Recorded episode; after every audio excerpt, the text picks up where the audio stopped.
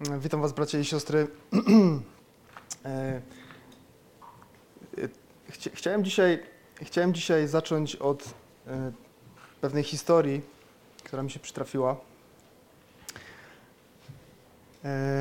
Jakiś czas temu, jakiś czas temu poszedłem wieczorem na spacer z psem. już, no już po wieczorem ciemno i w pewnym momencie przechodziliśmy obok takiego pięknego domu w sąsiedztwie. E, wiecie, takiego naprawdę, naprawdę ładnego, nie? Z takim dużym, zadbanym ogrodem. I to jest, właśnie ja zawsze podziwiam to miejsce, bo to jest, to jest taki charakterystyczny ogród, w którym wszystko jest starannie zaplanowane, wszystko znajduje się na swoim miejscu. Jest tam idealnie przystrzyżona trawka. Y, Nie ma tam jakiegoś żadnego przedmiotu przypadkowego, żadnej porzuconej dziecięcej zabawki. Nic nie burzy idealnej harmonii tego miejsca. Ten dom ma idealny płot, ma też idealny trawniczek między płotem a drogą, którą szedłem. No, po prostu ładne miejsce, zadbane, bardzo zadbane. No i kiedy tam przychodziliśmy, a ja po raz kolejny podziwiałem ten idealny porządek, mój pies, zupełnie niewrażliwy na takie doznania estetyczne, zatrzymał się na chwilkę, kucnął i elegancko przyozdobił ten dotychczas nieskalany skrawek zieleni tuż przy furtce przy samym wejściu. Także nie dało się nie zauważyć. No i możecie sobie wyobrazić moją konsternację, zakłopotanie w tym momencie, no bo co tu teraz zrobić? Wy się śmiejecie, tak? Ale mnie wcale nie było do śmiechu. Nie miałem ze sobą żadnego woreczka, nie miałem ze sobą tym bardziej żadnych narzędzi ogrodniczych. No duży kłopot. Ale od razu sobie pomyślałem, a przecież jest ciemno. Nikogo tutaj nie ma, tak? Nikt mnie nie widział. Monitoringu też nie widzę. W końcu właściciele domu mogą sobie to jutro sami posprzątać. Nic im się przecież nie stanie, tak? Korona im z głowy nie spadnie. Czemu nie? No i ruszyłem swoją drogą. No i wtedy przyszła mi do głowy druga myśl. Już pewnie nie ode mnie. Myślałem sobie tak, czyli co? Za parę tygodni Będę w kościele, wyjdę tutaj za kazalnicę i będę nauczył, nauczał ludzi Słowa Bożego, tak? Będę mówił im, jak mają żyć, jak mają postępować, a tymczasem tutaj, kiedy, wiecie, nie ma o czym gadać, tak? Tylko trzeba postąpić według tego Słowa, trzeba się zachować właściwie, zmierzyć się z kłopotliwą sytuacją, to co ja robię? Uciekam pod osłoną nocy, tak? I zrobiło mi się bardzo wstyd. Wybaczcie ten, może taki głupi przykład, tak? Yy, I całkowicie niepasujący na, na niedzielne kazanie. Yy, Natomiast jego największą, jego największą zaletą jest to, że jest, że jest prawdziwy. Ta sytuacja rzeczywiście się wydarzyła. No i skłoniła mnie do pewnych przemyśleń na temat mojej wierności Panu Jezusowi. I dlatego temat tego kazania to na pewno nie wyprę się Ciebie. O tym chciałem dzisiaj mówić. I chciałbym, żebyśmy otwarli sobie też Ewangelię Mateusza. Y, Denis dzisiaj zaczął od początku y, Ewangelii Mateusza, na początku od wydarzenia jeszcze na, sprzed rozpoczęcia służby Pana Jezusa, a ja chciałem dzisiaj, żebyśmy przyjrzeli się pewnym wydarzeniom y, pod koniec służby Pana Jezusa. Rozdział 26 i będę czytał wersety od 31 do 35.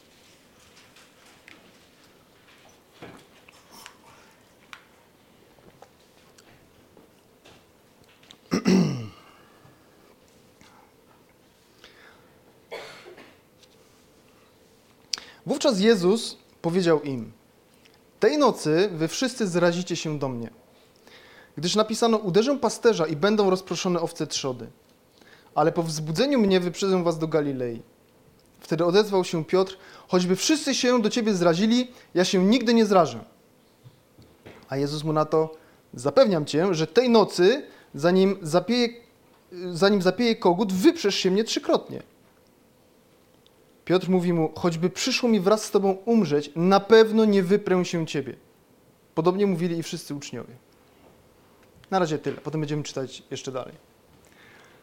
Więc mamy tutaj do, do czynienia z fragmentem rozmowy Pana Jezusa, którą odbył ze swoimi uczniami. Ona właśnie, tak jak wspomniałem, miała miejsce już pod koniec Jego służby, na niedługo przed tym, kiedy został mm, pojmany i, i ukrzyżowany.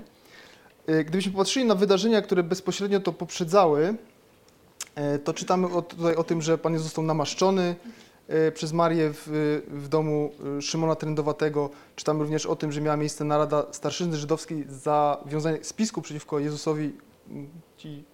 Ta rada starszych postanowiła zgładzić Jezusa. Również Judasz na, dołączył do tej, do tej zdrady. No i Pan Jezus ze swoimi uczniami świętowali, obchodzili ostatnią wieczerzę. To bezpośrednio przed tą rozmową, tak? I kiedy, kiedy ta rozmowa się, y, kie- kiedy ta wieczerza się skończyła, e, wyszli z wieczernika i udali się w kierunku, e, w kierunku ogrodu Getsemani. E, Prawdopodobnie miało to, znaczy na pewno miało to miejsce w czwartek wieczorem, właśnie po spożyciu tej wieczerzy paschalnej, odśpiewaniu hymnu również. Cała grupa udała się na Górę Oliwną. Prawdopodobnie to było około 21 wieczoru. I Pan Jezus w tym fragmencie, który przeczytaliśmy, wypowiada trzy proroctwa. Po pierwsze mówi o tym, że uczniowie się zrażą i rozproszą. Po drugie, o tym, że po zmartwychwstaniu Jezusa spotkają się w drodze do Galilei. A po trzecie, że Piotr zaprze się swojego mistrza. I dwa z tych proroctw wypełniły się w ciągu następnych 24 godzin, a trzecie w ciągu trzech dni. Pan Jezus czytuje, cytuje tutaj w 31 wersecie inny fragment z Księgi Zachariasza 13:7, inne proroctwo, wyraźnie sugerując, że całe to proroctwo, które mówi o gwałcie zadanym Mesjaszowi, o, jego, o, o wpływie tego na jego towarzyszy oraz o konsekwencjach tego czynu dla całego Izraela, że całe to proroctwo z Księgi Zachariasza odnosi się do niego i wyraźnie pokazał, że uważa się za, za Mesjasza. No i możecie sobie teraz wyobrazić całą tą sytuację, tak? Kiedy, kiedy Pan Jezus wypowiedział te słowa. No bo uczniowie byli bezpośrednio po niezwykłej duchowej uczcie, y, czasie spędzonym ze swoim nauczycielem i Bogiem i byli w bardzo zażyłej relacji z Nim, na pewno. Na takiej duchowej wyżynie, no bo raz, że trzy, trzy ostatnie lata spędzili razem, dwa, że też mieli bardzo taką intymną, bliską rozmowę y, podczas, podczas ostatniej wieczerzy. I kiedy wychodzą z tamtego miejsca, Pan Jezus mówi do nich no takie szokujące słowa. Mówi do nich, wy wszyscy zrazicie się do mnie. Wy wszyscy zrazicie się do mnie. Jak patrzymy sobie na to słowo zrazicie, ono w Biblii Tysiąclecia jest przetłumaczone jako zwątpicie, w Biblii Warszawskiej jako zgorszycie, to jest, tutaj występuje greckie słowo skandalizo, z tego pochodzi słowo skandal. I dosłownie to słowo oznacza zastawić pułapkę na czyjejś drodze, spowodować potknięcie, wpaść w pułapkę, a w sensie przenośnym postąpić niewłaściwie albo właśnie zrazić się, obrazić, spowodować potknięcie i upadek. A więc z takiego do, dokładnego znaczenia tego słowa możemy wnioskować, że ta ucieczka uczniów, którą Pan Jezus zapowiadał, miała być tylko częściowo spowodowana przez strach. Ona, Pan Jezus zapowiada tak naprawdę coś więcej, zapowiada kryzys ich wiary, a więc zwątpienie w to, że Jezus rzeczywiście jest Mesjaszem posłanym przez Boga. To, jak pozwoli się za chwilę potraktować, spowoduje u nich zwątpienie, czy na pewno jest Mesjaszem i zgorszenie. No bo przecież prawdziwy Mesjasz nigdy nie pozwoliłby, żeby coś takiego się z nim stało. Drugie kluczowe słowo, y, które możemy czytać w wersecie 34 i 35, to jest słowo wyprzeć, tak? czyli wyprzeć się. I ono z kolei pochodzi od złączenia dwóch greckich słów. To jest greckie słowo aparneomai i ono składa się z dwóch, połączenia dwóch innych słów. Jedno to jest apo, które oznacza od, z dala albo ma rolę intensyfikującą, a drugie to jest arneomai, które właśnie oznacza zaprzeczać, mówić nie.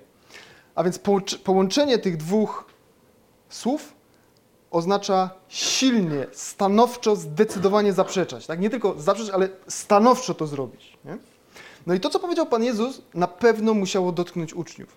I to widać po natychmiastowej reakcji Piotra. Bo on mówi, zaraz jak Pan Jezus to powiedział, on od razu, bez zastanowienia mówi, choćby wszyscy się zrazili, ja się nie zrażę. I wtedy Pan Jezus zwraca się bezpośrednio do Piotra i przypowiada mu, że jeszcze tej samej nocy nie tylko zrazi się do Jezusa, ale że się go wyprze, zaprzeczy, że w ogóle go zna. A pianie koguta miało być tego symbolem i przypomnieniem.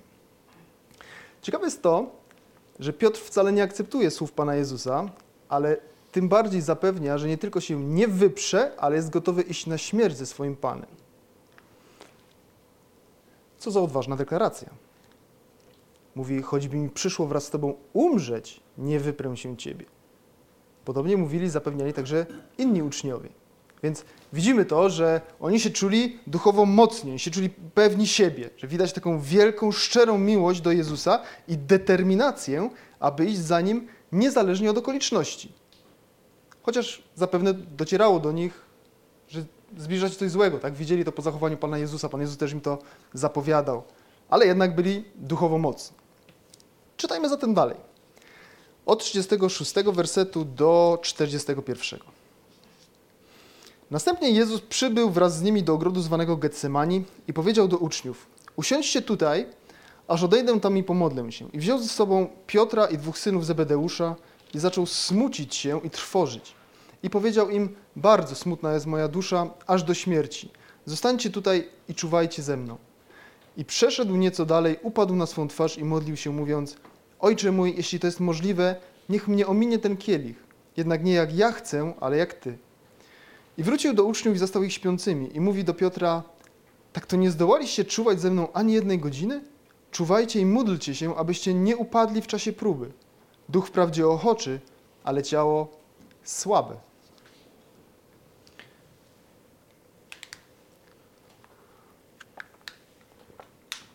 Co wydarzyło się później?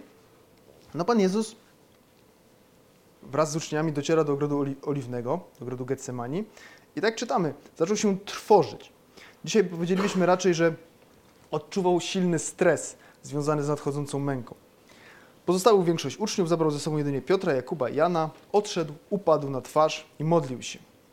I poprosił tych trzech najbliższych uczniów, żeby czuwali razem z nim. I co się okazało? Okazało się, że ci trzej uczniowie, zwłaszcza Piotr, tak, który jeszcze godzinę temu deklarował i zarzekał się, że nigdy Jezusa nie opuści, jest gotów iść z nim nawet na śmierć, nie potrafi z nim czuwać nawet jednej godziny w nocy. Nie potrafi zapanować nad sennością. Czy ja, ja, ja pamiętam doskonale to uczucie, tak? kiedy moje dzieci były małe, na przykład chorowały, nie chciały spać w nocy, jak, jak trudno wtedy walczy się z wszechogarniającym uczuciem senności i powiekami, które same opadają. Tak? To, to rzeczywiście ciężkie. No ale w końcu Pan Jezus nie poprosił tych uczniów o to, żeby oddali za Niego swoje życie. On poprosił tylko, żeby z Nim czuwali przez godzinę. Nawet jeżeli to było trudne, no to jednak wykonalne, prawda? Żeby po prostu nie spali. A jednak nie byli w stanie tego zrobić. Nie byli w stanie okazać tej wierności, tego oddania i poświęcenia, które wcześniej deklarowali. I myślę, myślę, że z nami jest bardzo podobnie. To znaczy, deklarujemy Panu Jezusowi wielkie, wspaniałe rzeczy. Mówimy, że oddajemy Mu całe nasze życie, że jest naszym królem i naszym Panem. Prawda? Tak mówimy. W naszych modlitwach, w naszych pieśniach mówimy Mu, mówimy, kim On dla nas jest, jak bardzo jest ważny, jak jesteśmy oddani, przywiązani, że jest naszym przyjacielem, tak? Przed chwilą śpiewaliśmy to. Wiele innych wspaniałych słów. A wiecie, godzinę później, kiedy Pan Jezus prosi nas nie o to, żeby oddać za Niego życie, ale o proste rzeczy, to my tego nie robimy. Tak, tak jak uczniowie, zasypiamy. Na przykład, jak Pan Jezus nas poprosi, żeby z Nim spędzić codziennie trochę czasu. Zamiast spać albo oglądać YouTube'a, albo żeby dać komuś nasze pieniądze, albo się z kimś spotkać, poświęcić nasz cenny czas. Żeby pójść na grupę w środę. Pościć. Pan Jezus mówi, na razie nie oddawaj za mnie całego życia, ale oddaj mi godzinkę albo jeden dzień. No ale nie, to jest zbyt łatwe, tak? My deklarujemy, że całe życie oddajemy, ale żeby zaraz godzinę nie spać, to jest zbyt łatwe. Wiecie, wypowiadamy dużo pięknych i wzniosłych deklaracji, a jak przychodzi co do czego, to okazuje się, że śpimy, że nie jesteśmy czujni, że nie czuwamy. I Pan Jezus w 41 wersecie wskazuje bardzo konkretną przyczynę takiego stanu rzeczy i też pokazuje rozwiązanie. Pan Jezus mówi tak. Czuwajcie i módlcie się, abyście nie upadli w czasie próby. Duch wprawdzie ochoczy, ale ciało słabe. To słowo tutaj, które jest przetłumaczone jako próba, ono pochodzi z greckiego peraismos i oznacza właśnie próbę albo również test, eksperyment, ale również pokusę.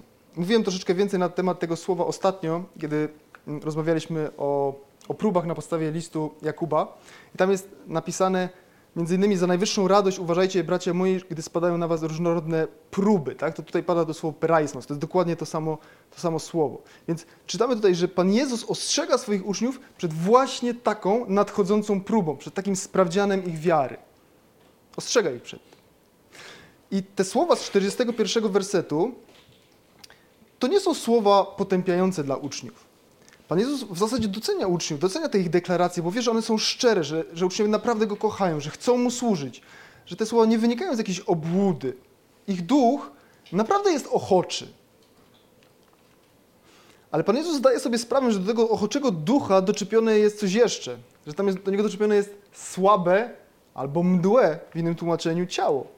Ze wszystkimi swoimi słabościami, ze swoim zmęczeniem, ze swoim lenistwem, ze swoją sennością, wygodnictwem, wiekiem i poczuciem, że to mi się należy. Że to ciało ciągnie w drugą stronę, sprzeczną z naszymi chęciami i deklaracjami. I z tego wydarzenia możemy dla siebie wyciągnąć bardzo jasny, ogólny wniosek. Nie jesteśmy w stanie wytrwać w próbie, polegając na naszych własnych siłach. A jeśli czujemy się mocni duchowo, pewni siebie, uważamy, że jesteśmy w stanie sprostać każdej pokusie, każdej duchowej trudności, to jesteśmy w szczególny sposób narażeni na duchowy atak i porażkę. Inne miejsca Biblii również opisują ten rodzaj próby, jakim, jakiemu mieli zostać poddani uczniowie, jakiemu my również jesteśmy poddawani. Kilka przykładów. Księgi przysłów. Pycha chodzi przed upadkiem, a wyniosłość ducha przed ruiną. Bardzo, bardzo znany fragment. Albo z listu, pierwszego listu Piotra, o którym tutaj mówimy troszeczkę. Bądźcie trzeźwi, czuwajcie, przeciwnik wasz diabeł chodzi wokoło jak lew ryczący, szukając kogo by pochłonąć. To brzmi jakby Piotr mówił z doświadczenia, jakby coś wiedział na ten temat. Z listu do Efezjan. Bój toczymy nie z krwią i ciałem, lecz z nadziemskimi władzami, ze zwierzchnościami, z władcami tego świata ciemności, ze złymi duchami w okręgach niebieskich. Albo jeszcze inny fragment, który odnosi dokładnie do tej sytuacji, na którą dzisiaj patrzymy, ale według relacji Łukasza, tam Pan Jezus powiedział do Piotra, kiedy Pan Jezus zapowiadał zaparcie się uczniów, to Pan Jezus y, powiedział do uczniów jeszcze, właśnie do Szymona Piotra powiedział takie słowa. Szymonie, Szymonie, oto szatan wyprosił sobie, aby was przesieć jak pszenicę. I dlatego na uczniów miała przyjść ta próba. Dla Piot na Piotra w szczególności. Z tych wersetów wynika, że istnieją duchowe siły, niewidzialne, ale bardziej realne niż, niż my tutaj, których celem jest doprowadzenie nas do upadku, które aktywnie działają, zabiegają o to, żebyśmy upadli i żebyśmy oddalili się od Boga. Niekiedy możemy mieć takie przekonanie, że nawróciliśmy się, ochrzciliśmy się i to już jest ostateczny cel i koniec naszej duchowej drogi. Tymczasem Biblia uczy, że walka duchowa trwa nadal. Że szatan, wciąż próbuje odciągnąć wierzących, zwieść, oszukać i niestety czasem, czasem mu się to udaje. Nawet sam Pan Jezus był takim duchowym atakom poddany. Zwróćmy zatem uwagę na to, jaki był jego sposób na zwycięskie przeciwstawienie się tego rodzaju próbom i atakom. Pan Jezus mówi: czuwajcie i módlcie się. To jest rozwiązanie, które podaje Jezus. Czuwajcie i módlcie się. To znaczy, zachowajcie czujność, nie śpijcie. Zdawajcie sobie sprawę z ciągłego zagrożenia, nawet jeśli go nie widać, i bądźcie na to zagrożenie gotowi. Gotowi, aby właściwie zareagować, aby się bronić, aby nie ulec pokusie. No i jak w praktyce czuwał Pan Jezus? Modląc się i trwając w bliskiej relacji i zażyłości ze swoim Ojcem, tak? Pan Jezus w praktyce tak to właśnie robił, tak to praktykował. Błagając, aby Ojciec pomógł mu przejść przez próbę zwycięską, nie poddać się i nie upaść.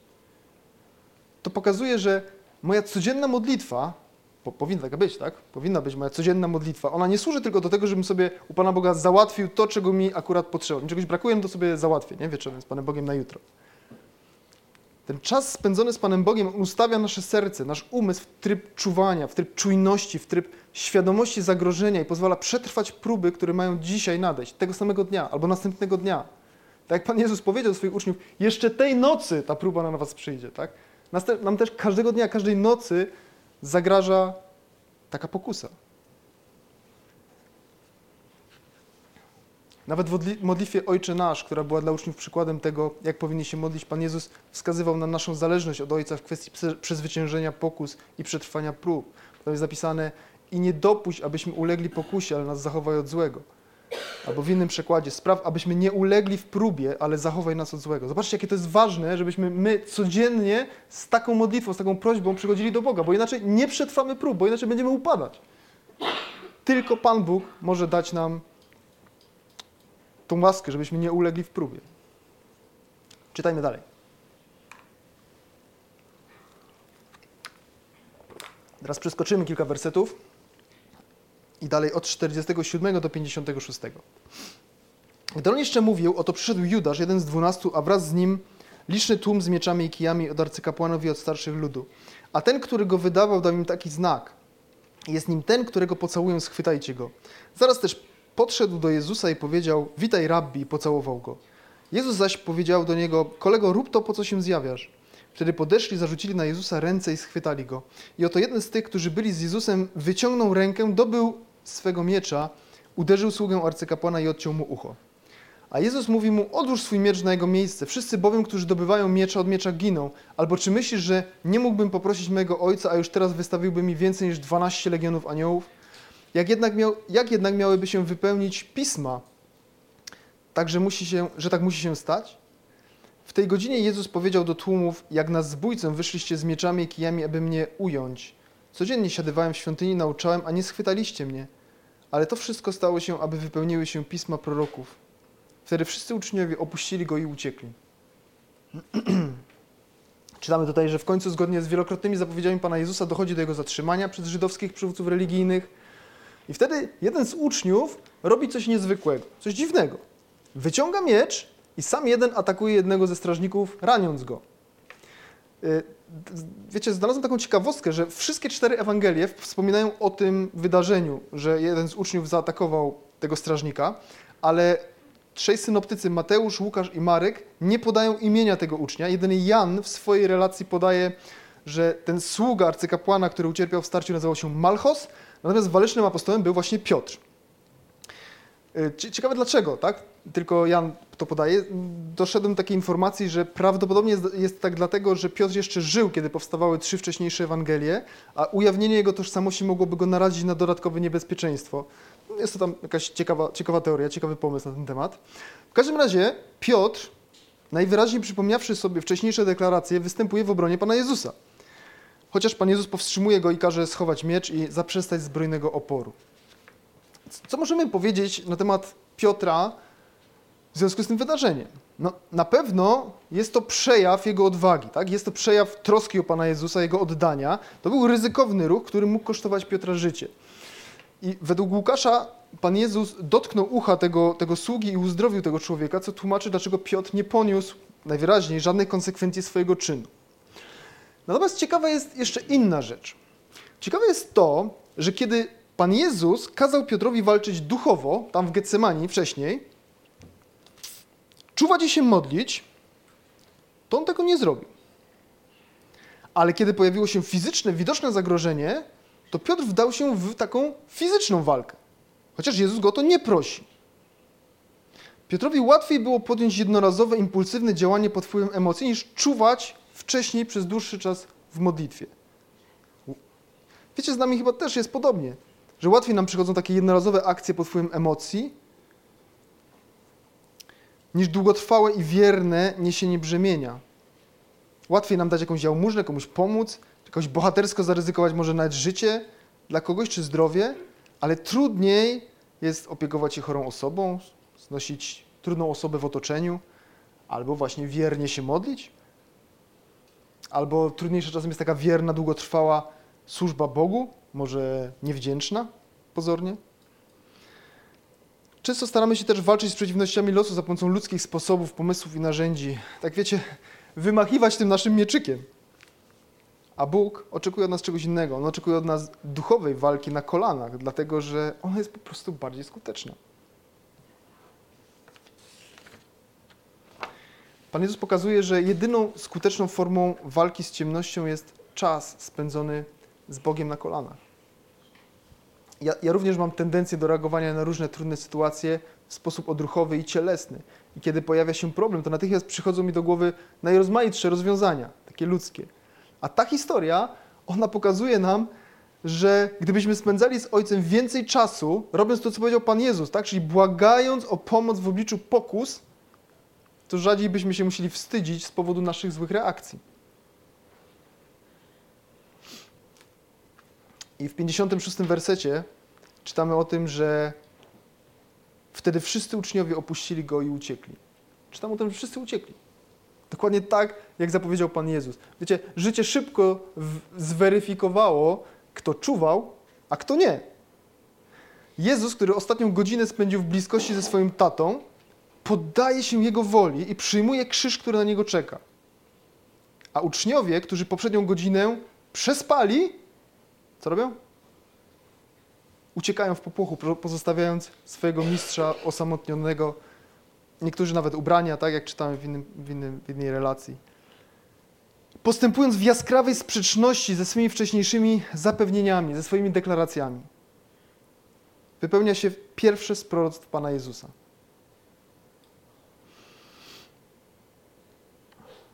Przeczytajmy dalej. Znowu przeskoczymy kilka wersetów, bo nie mamy takiej możliwości, żeby, żeby je wszystkie dzisiaj dokładnie przerobić, ale przeczytajmy jeszcze jeden fragment. Od 69 wersetu do 75. Piotr tymczasem siedział na zewnątrz na dziedzińcu. Tam podeszła do niego jedna posługaczka, mówiąc: Ty też byłeś z tym Galilejczykiem Jezusem. On zaś wyparł się wobec wszystkich: Nie wiem, o czym mówisz. A gdy wyszedł ku bramie, zobaczyła go inna i powiedziała do tych, którzy tam byli: Ten był z Jezusem z Nazaretu. I znowu wyparł się pod przysięgą: Nie znam tego człowieka. Po chwili podeszli stojący tam i powiedzieli do Piotra: Ty naprawdę jesteś jednym z nich, bo i twoja mowa czyni cię widocznym. Wtedy zaczął ściągać na siebie klątwy i przysięgać na świętości: Nie znam tego człowieka. I zaraz zapiał kogut. A Piotr przypomniał sobie słowo Jezusa, gdy powiedział, zanim zapieje kogut, trzy razy się mnie wyprzesz. Wówczas wyszedł na zewnątrz i gorzko zapłakał.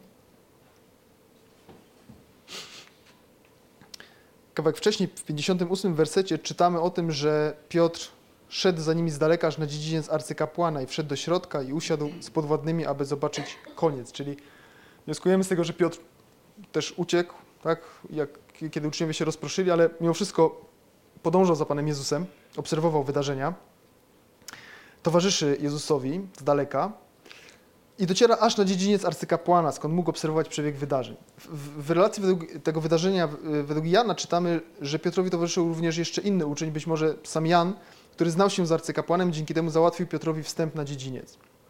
Stamtąd Piotr śledził przebieg procesu, przynajmniej do pewnego stopnia, tak nie wiemy ile był w stanie widzieć. No i znowu, to co zrobił Piotr na pewno było ryzykowne i znowu było odważne. To musimy przyznać. No bo Piotr jest wtedy mimowolnie skonfrontowany z innymi ludźmi z otoczenia arcykapłana, którzy byli potencjalnie do niego wrogo nastawieni. Pierwsza taka konfrontacja ma miejsce przy wejściu na ten dziedziniec wobec służącej, która pilnowała bramy, była odźwierną. W 69 wersecie o tym czytamy. I kobieta nawet bardziej stwierdza niż pyta, mówi, ty także byłeś tym Galilejczykiem. No, a Piotr jak to Piotr, tak? Za dużo nie myśli, nie ma czasu, żeby spokojnie zastanowić się nad tym pytaniem, nie ma czasu, żeby rozważyć wszystkie możliwe odpowiedzi, która by była właściwa, zgodna z Bożą wolą, która nie. Nie, nie, on raczej reaguje natychmiast, reaguje odruchowo, aby pozwolono mu wejść i uniknąć niebezpieczeństwa. I mówi, nie wiem o czym mówisz. Odruchowa reakcja. W pewnym sensie zrozumiała, tak? Naturalna reakcja. Czy dobra? No niedobra. I po jakimś czasie, po jakiejś chwili ma miejsce podobna sytuacja. Według relacji znowu Jana stało się to, kiedy Piotr grzał się przy ogniu wraz z innymi osobami, które tam były. Inna, I tym razem inna kobieta również go rozpoznaje i, i mówi, ten był z Jezusem z Nazaretu.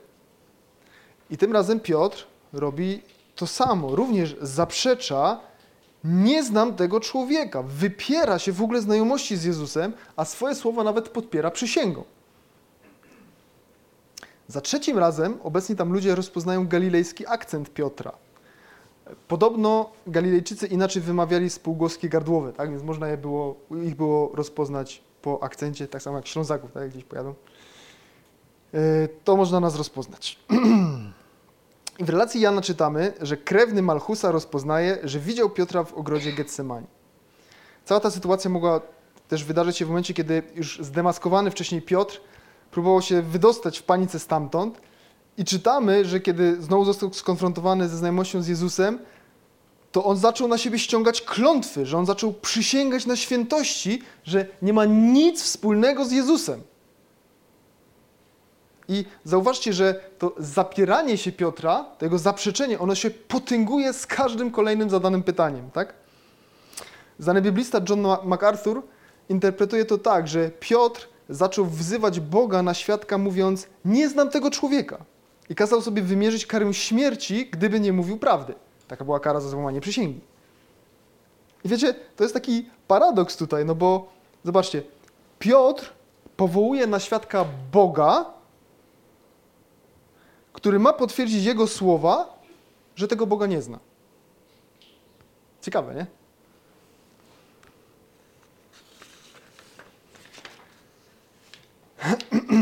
I wtedy zgodnie z zapowiedzią Jezusa pieje kogut, przypominając Piotrowi, że właśnie spełniło się drugie proroctwo Jezusa sprzed zaledwie kilku godzin. Łukasz podaje, że Jezus odwrócił się w tym momencie, utkwił w Piotrze swój wzrok, a ten wyszedł na zewnątrz i kiedy zdał sobie sprawę z tego, co zrobił, że zaparł się swojego mistrza, załamał się i gorzko zapłakał. Pomyślmy teraz, ile zostało w tym momencie chełpliwych zapowiedzi Piotra, że nigdy nie zaprze się Jezusa i że jest gotowy iść z nim na śmierć.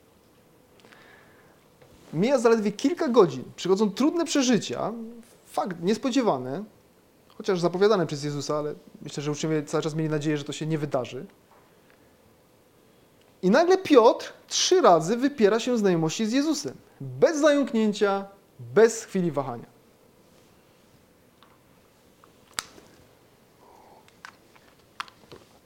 Nie wiem jak wy, ja nie byłem nigdy w takiej sytuacji jak Piotr, takiej bezpośredniej konfrontacji z przeciwnikami, z wrogami, e, gdzie trzeba podjąć decyzję, że albo przyznaję się do Jezusa i ponoszę nieprzyjemnie, potencjalnie tragiczne konsekwencje, albo zapieram się Go i mam spokój. Pewnie gdybym teraz zapytał was, kto z was jest gotowy pójść na śmierć dla Jezusa? Jestem pewien, że zdecydowana większość, jeśli nie wszyscy podniosłaby ręce, ja bym podniósł pierwszy, tak wysoko bym podniósł. I powiedziałbym, choćby wszyscy się do Ciebie zrazili, ja się nie zrażę. I choćby mi przyszło wraz z Tobą umrzeć, na pewno nie wyprę się Ciebie. Tak bym powiedział. Ale chciałem sobie Wam zadać jeszcze inne pytanie, które być może bardziej przystaje do naszej aktualnej rzeczywistości. A ile zostaje z naszych wzniosłych słów i z naszych wzniosłych deklaracji wypowiedzianych na niedzielnym nabożeństwie? Ile zostaje z tych pięknych pieśni, które śpiewaliśmy? Z tego, że Jezus jest naszym przyjacielem, na przykład. Kiedy wychodzimy z kościoła i wchodzimy na, na dziedziniec arcykapłana, na dziedziniec tego świata, otoczeni nieprzychylnymi ludźmi, tak jak Piotr, nieznającymi i nie liczącymi się z Bogiem. Jesteśmy już osamotnieni, tak? jesteśmy sami w takim towarzystwie.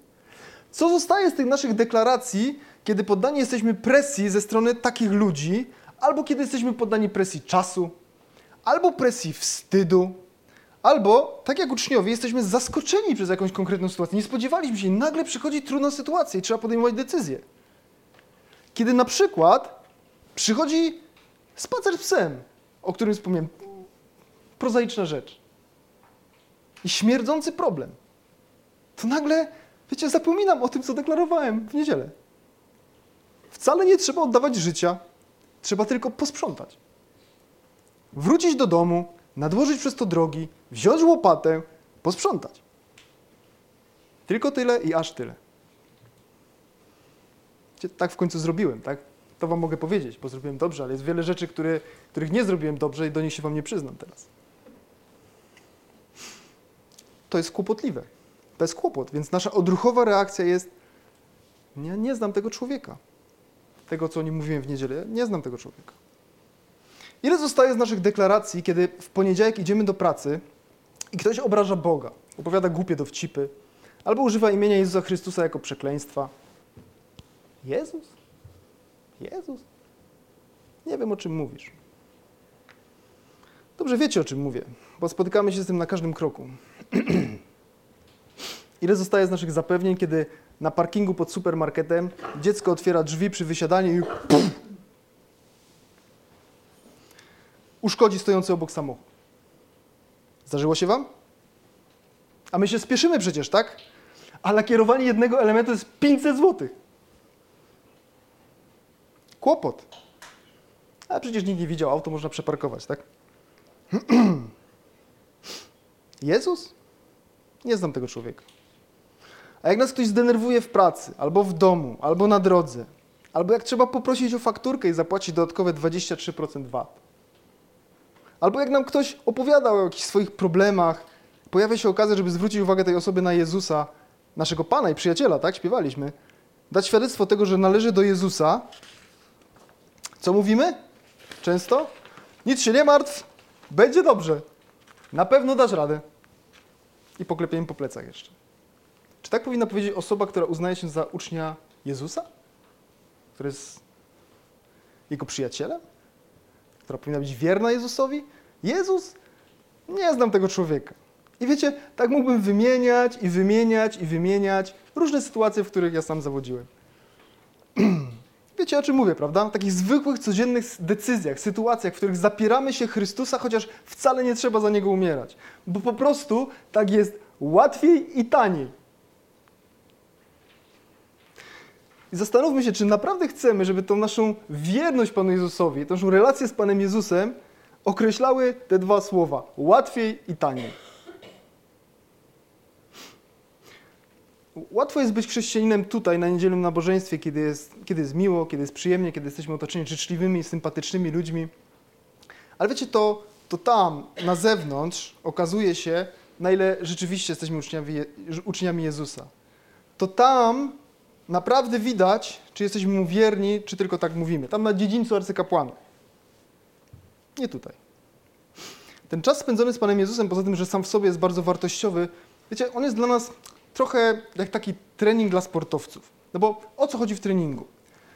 Oczywiście chodzi o naukę, tak, ale również o to, żeby wypracować pewne właściwe zachowania, pewne odruchy, jakby połączyć tą teorię z praktyką.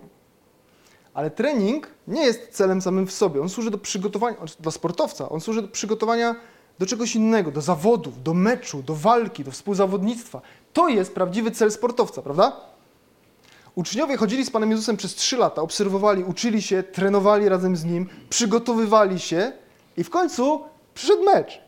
Przyszło prawdziwe życie, które zweryfikowało, ile są warci. My podobnie na takim nabożeństwie uczymy się tutaj, tak? słuchamy niektórych rzeczy wielokrotnie, kilka razy to samo, powtarza się to. Powtarzamy, trenujemy po co?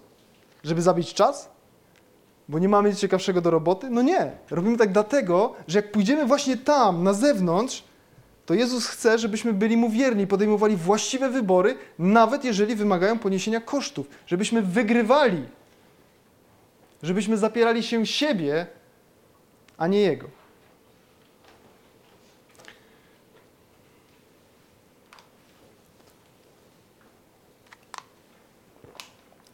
Mówimy dzisiaj o wierności Panu Jezusowi, patrząc na to konkretne wydarzenie z życia Piotra. Mm, ale na szczęście historia Piotra nie kończy się na tym jego załamaniu. Akurat historia Judasza, która jakby przeplata się z tą Piotrową, ona kończy się w momencie załamania się Judasza, tak? Wiemy to. Ale nie w przypadku Piotra. Na szczęście jest ciąg dalszy. W 21 rozdziale Ewangelii Jana czytamy o tym, że Jezus po zmartwychwstaniu spotkał się z Piotrem i przebaczył Piotrowi to, co on, to, co on zrobił. I chciałem jeszcze dzisiaj krótko powiedzieć o jednym wydarzeniu z życia Piotra, które niewątpliwie łączy się z tym, o czym, o czym dzisiaj mówimy. I ono jest opisane w czwartym rozdziale dziejów apostolskich. Tam jest opisana sytuacja, już po wniebowstąpieniu Pana Jezusa, po zesłaniu Ducha Świętego, e, początek Kościoła Pana Jezusa na ziemi. Tam jest opisana sytuacja, kiedy Piotr i Jan uzdrawiają niepełnosprawnego człowieka przed wejściem do świątyni. I później, z powodu tego cudu i kazania wygłoszonego przez Piotra, zostają zatrzymani i postawieni przed Sanhedrynem, przed Radą Żydowską. Tak? Przesłuchanie, e, co to się właściwie wydarzyło i co oni tam robią, dlaczego takie zbiegowisko było. Chcieli się przywódcy duchowi dowiedzieć, o co w ogóle chodzi. Zauważmy, popatrzmy na to też z tej perspektywy, że po niedługim czasie, no bo ile to mogło minąć? Dwa miesiące, półtora miesiąca mniej więcej? Po niedługim czasie Piotr znowu staje w sytuacji, kiedy znajduje się pod presją, otoczony przez wrogów. I ci wrogowie podczas przesłuchania, ci, ci, ta starszyzna żydowska zadaje mu pytanie, jaką mocą albo w czyim imieniu to uczyniliście? I Piotr odpowiada tak. Jakby mógł prosić ten fragment. Dzięki. Piotr odpowiada tak. Ponieważ my dzisiaj jesteśmy przesłuchiwani z powodu dobrodziejstwa wyświadczonego słabemu człowiekowi, dzięki któremu został on zbawiony, to niech wam wszystkim i całemu ludowi Izraela będzie wiadome, że stało się to w imieniu Jezusa Chrystusa z Nazaretu, którego wy ukrzyżowaliście, a którego Bóg wzbudził z martwych. W nim ten człowiek stanął wobec was zdrowy. Wow, jakie odważne słowa. Zobaczcie, że Piotr już nie zapiera się znajomości z Jezusem, ale wyraźnie i odważnie, i odważnie przyznaje się do Niego. Piotr wyciągnął wnioski, nauczył się czegoś. Niech z nami będzie tak samo. Czuwajmy i módlmy się, abyśmy byli gotowi na niespodziewane, abyśmy potrafili przejść próbę i pozostali wierni Jezusowi i abyśmy pozostali wierni naszym własnym deklaracjom, naszym własnym obietnicom, tym słowom, które wypowiadamy przy różnych okazjach. Zapierajmy się siebie. Zapierajmy się siebie, naszego słabego ciała, naszego lenistwa, naszego strachu, ale nie zapierajmy się Jezusa. A nawet jeśli zwątpimy i zaprzemy się Jezusa, wracajmy pod krzyż, przeprośmy i przyjmijmy Jego przebaczenie tak samo jak Piotr. Ale również tak samo jak Piotr, wyciągnijmy wnioski, aby, aby to się więcej nie powtórzyło w naszym życiu, aby następnym razem podjąć dobrą decyzję abyśmy nie musieli się za siebie wstydzić. Amen.